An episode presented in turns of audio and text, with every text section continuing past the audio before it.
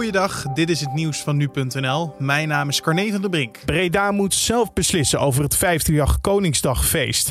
Dat vindt het kabinet, dat gewoon door wil gaan met de testevenementen. De burgemeester van Breda gaat vandaag voor's en tegens bespreken. Dat zei hij bij Nieuwsuur gisteravond. Ik ben blij om te weten en te horen dat het kabinet graag wil dat het, dat het evenement doorgaat. En gaan wij het zorgvuldig wegen.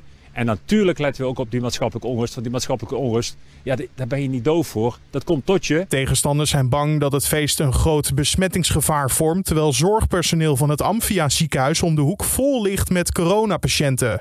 Een petitie tegen het feest is al meer dan 300.000 keer getekend.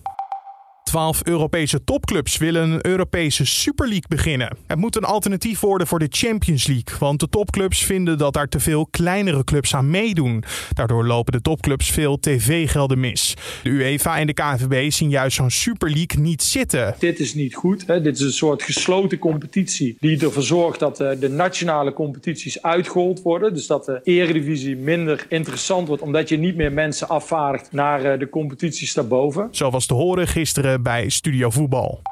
De helft van de volwassen Amerikanen heeft een eerste coronaprik gehad. Het gaat om grofweg 130 miljoen Amerikanen, dat meldt het Amerikaanse RIVM.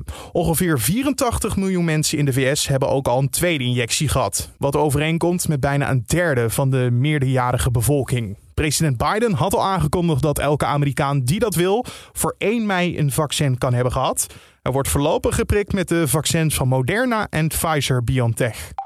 En bij de vierde nationale bijentelling is dit weekend een record aantal bijen geteld. Meer dan 9000 mensen noteerden tot nu toe meer dan 170.000 bijen.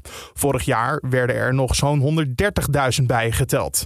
Het aantal van dit jaar kan zelfs nog oplopen, aangezien mensen tot vanavond hun telformulieren kunnen inleveren. Net als de voorgaande drie jaar staat de honingbij met stipt op 1 als meest getelde soort, met meer dan 45.000 getelde bijen. Het tellen van bijen is belangrijk omdat de helft van alle bijensoorten in ons land bedreigd worden. En tot zover de nieuwsupdate van nu.nl.